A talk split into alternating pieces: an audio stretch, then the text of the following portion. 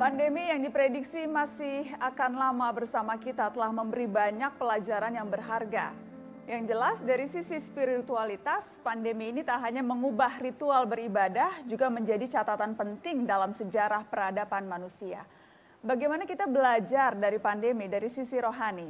Telah bergabung bersama Mata Najwa Miftah Maulana Habibur Rahman atau Gus Miftah, Dai yang juga pengasuh Pondok Pesantren Ora Aji, Sleman, Yogyakarta. Assalamualaikum Gus Miftah. Waalaikumsalam Mbak Nana. Sehat-sehat Gus? Alhamdulillah. Alhamdulillah. Uh, Gus, kita mau belajar dari pandemi malam ini nih. Uh, hmm.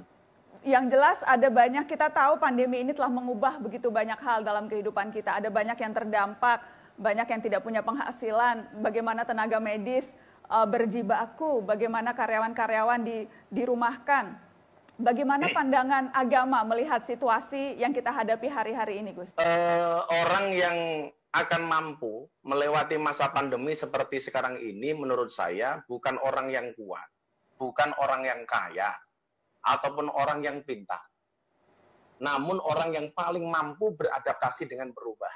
Hmm. Yang menjadi persoalan kemudian adalah uh, bangsa kita ini sering terjebak ke, di kemapanan ini. Jadi tidak segera beradaptasi dengan hal-hal yang baru.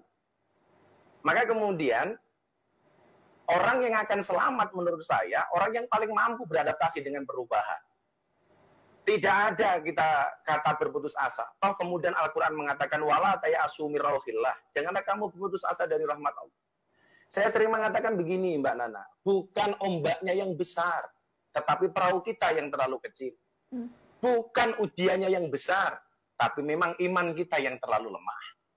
Jadi kita nggak boleh berputus asa. Jadi uh, kita harus berpikir bahwa yang bisa merubah ini hanya kita sendiri.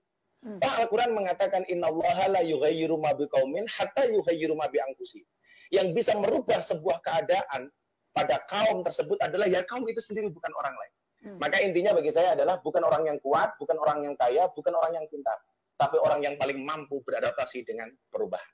Hmm, hmm.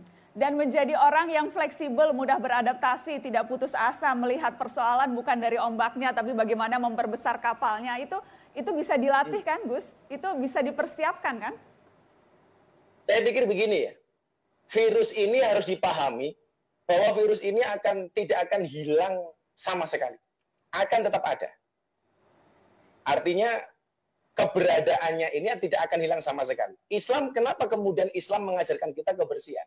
Maka kita sering mendengar Mbak Nana, anadzofatu minal iman. Ya. Kebersihan itu adalah sebagian dari dari iman. Saya sendiri begini, saya pribadi kurang sependapat dengan pemakaian istilah damai dengan virus, berdamai dengan virus. Kenapa, Gus? Ya kan? Kalau saya berdamai, kalau saya berdamai dengan Mbak Nana, itu ada kemauan dari saya, ada kemauan dari Mbak Nana. Hmm. Kalau kita berdamai dengan virus, pertanyaannya kita mau berdamai, apakah virusnya mau berdamai? Hmm. Iya kan? Ya. Ini jadi jadi ambigu bahasa ini. Ketika pemerintah mengeluarkan kalimat berdamai dengan corona, maka saya melihat justru ini seperti apa namanya eh, kekhawatiran atau kegamangan pemerintah itu sehingga kemudian apakah karena latar belakang APBN-nya tidak cukup rakyat harus segera bekerja maka kemudian ada istilah uh, da damai dengan corona. Hmm. Mungkin akan lebih tepat jika kita menggunakan harus lebih waspada. Jadikan hidup bersih sesuai tuntunan agama sebagai lifestyle kan. Hmm. Pahami, sosialisasikan arti protokoler kesehatan dan perketat pelaksananya. Saya pikir itu lebih lebih bisa diterima oleh akal kita hari ini daripada dengan bahasa berdamai dengan corona. Hmm. Gus, dalam pandangan agama ada banyak uh, kemudian uh, orang yang melihat wah virus ini azab, virus ini hukuman, virus ini uh, karena Allah murka kepada kita. Uh, apakah pandangan-pandangan itu tepat atau malah sebaliknya kita harus selalu berbaik sangka kepada Tuhan, Gus? Saya pikir pandangan itu kurang tepat karena yang yang menerima musibah ini tidak hanya orang yang tidak beriman, bahkan orang beriman sekalipun. Bahkan catatan saya di Saudi Arabia, itu yang paling banyak terpapar virus itu justru kota Makkah. Hmm. Kota Makkah. Artinya kalau kemudian ini dijadikan sebagai tolok ukur, oh ini azab bagi orang-orang yang tidak beriman, seharusnya Mekah terhindar dong dari virus ini. Hmm. Kan gitu. Situasi saat pandemi dengan korban berjatuhan hari ini semakin banyak. Saya mengibaratkan begini Mbak Nana. Seperti saat Nabi Nuh harus memilih penumpang kapalnya. Yang kapasitas kapalnya itu sangatlah terbatas. Artinya apa? Orang-orang yang selamat yang diajak oleh Nabi Nuh untuk naik ke perahu itu adalah orang-orang yang siap. Siap secara jasmani, siap secara rohani, siap secara spiritualitas. Nah, maka di sini kemudian kita harus sama-sama tingkatkan kualitas diri, baik jasmani, rohani, spiritualitas, sehingga kita layak dapat tempat terpilih ikut bahteranya Nabi Nuh alaihissalam. Hmm dan mempersiapkan itu ya uh, lewat cara-cara yang memang selama ini sudah dituntun oleh agama ya Gus. Jadi bagaimana meningkatkan ketakwaan, bagaimana memperbaiki akhlak, hal-hal seperti itu yang Anda maksud Gus Miftah? Uh, sangat tepat sekali. Maka saya begini, begitu pemerintah itu mengatakan sudah kita kerja di rumah, ibadah di rumah. Ini sebenarnya pukulan telak bagi kita. Karena selama ini kita terlalu sering melupakan masjid. Kita terlalu sering meninggalkan majelis taklim maka begitu ada himbauan seperti ini, alah sekarang aja banyak yang teriak-teriak, wah gimana kita nggak boleh beribadah di masjid? Alah lu aja nggak ada himbauan, nggak pernah ke masjid, apalagi ada himbauan kan? Gitu.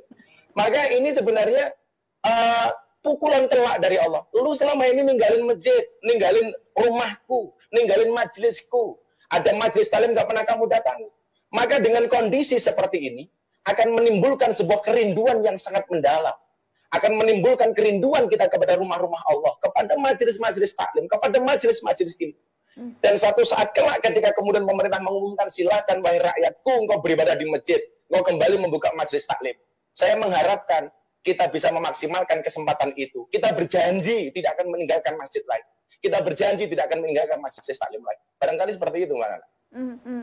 Uh, terkadang sulit memberikan penjelasan yang mudah diterima tanpa kemudian terkesan menggampangkan ritual atau menggampangkan agama, Gus. Ketika banyak yang hmm. merasa, wah seharusnya masih tetap boleh beribadah di masjid, wah seharusnya ini tidak membuat kita justru kok kesannya takutnya pada corona, bukan takut pada Allah, kenapa tidak mau ke masjid? Kan ada ungkapan-ungkapan seperti itu, Gus. Bagaimana menyampaikannya dengan bahasa yang mudah dipahami, tetapi juga tidak terkesan menggampangkan uh, ritual yang selama ini kita jalankan? Saya sering Mbak Nana ya, ditanya ketika kita live itu, Gus Miftah lebih takut corona apa takut dengan Allah sih? Hmm. Ini kalau dalam bahasa saya kalimatul haq yuridu biha batil. Kalimat yang kelihatannya benar tapi mengandung kebatilan di dalam. Ya kan? Justru kenapa kemudian kita hari ini harus beribadah di rumah? Ya karena kita taat dengan Allah dan Rasulnya. Maka saya selalu mengatakan, tolong deh, ikutlah pendapat ahli, jangan ikut-ikutan orang yang ahli berpendapat. Boleh diulang nggak Gus? Bagus banget itu. Ikutlah pendapat ahli, jangan ikut-ikutan orang yang ahli berpendapat. Nah, kayaknya yang nomor dua lagi paling banyak ya Gus sekarang, yang ngaku-ngaku nah, Ini yang paling dua, apalagi di era medsos ini. Semuanya orang bisa berpendapat, padahal tanpa dasar hukum yang jelas. Uh. Makanya kalau saya nyimak kajian uh, kitab Al-Misbah itu satu kalimat yang sering saya dengar hari ini, yang paling saya ingat dari Abi Quraisy itu ketika beliau sering kali menyindir orang-orang yang suka menafsirkan Quran tanpa keilmuan yang jelas. Hmm. Beliau mengatakan hadisnya Rasulullah man fasara Al-Quran bi ra'yi falyatabawa maqadahu minan nar. Barang siapa menafsirkan Al-Quran dengan kemampuan akalnya sendiri, maka siap-siaplah mengambil tempat duduk dari api neraka. Hmm. Saya pikir kita beruntung ya, mana kita tinggal di Indonesia. Saya mengatakan begini, saya termasuk orang yang anti lockdown. Karena lockdown itu nggak asik. Lockdown, otak yang lock, pendapatan down. Hmm. Ya. Saya saya juga anti PSBB lah. PSBB itu bagi saya apa ya? Pendapatannya sedikit, butuhnya banyak. Waduh, ini ngeri sekali. Atau apa pun istilahnya. Saya sepakat dengan istilah kita tetap di rumah. Maka yang paling penting bagi saya adalah pemahaman mengenai bagaimana cara kerja COVID ini saja kita belum pernah tahu. Coba, saya belum pernah mendengar dari jubir COVID yang memberikan pemahaman cara kerja COVID ini seperti apa sih, itu belum ada penjelasan resmi dari pemerintah. Gus, pertanyaan terakhir. Yang jelas kan manusia ini tempatnya lupa. Manusia itu tempatnya hmm. alpa. Uh, ketika nanti insya Allah situasi sudah mulai pelan-pelan pulih, uh, mungkin saja pelajaran atau apa yang berusaha kita pelajari dari pandemi ini akan hilang. Bagaimana caranya untuk tetap berusaha istiqomah dalam kebaikan, Gus? Saya pikir begini ya. Allah Azza wa Jalla itu tidak pernah mengecewakan kita. Tapi kitalah yang terkadang lemah mengambil hikmah dari setiap cobaan. Orang-orang yang mampu mengambil pelajaran lah yang menurut saya pada akhirnya menjadi orang-orang yang luar biasa. Barangkali hari ini kita banyak kehilangan sesuatu. Kehilangan pekerjaan, banyak yang di PHK. Berapa banyak teman-teman perusahaan saya yang minta saya mengadakan AMT uh, kepada mereka, memberikan motivasi dan sebagainya. Saya katakan sama mereka, sedih karena kehilangan sesuatu itu manusiawi. Tapi percayalah, Allah sedang menyediakan hadiah terbaik untukmu yang sabar dan ikhlas. Amin, amin. Selalu berbaik sangka kepada Allah yang maha pemurah. Selalu berbaik sangka dengan seperti mata mata najwa inilah. Bila teman membuatmu kecewa, bila pasangan membuatmu terluka, bila corona membuatmu menderita, yakinlah mata najwa selalu datang dengan membawa cinta. Amin. amin, amin. Terima kasih banyak Gus. Terima kasih banyak sudah bergabung dengan Mata Najwa. Sehat terus, salam untuk keluarga. Assalamualaikum Gus. Makasih.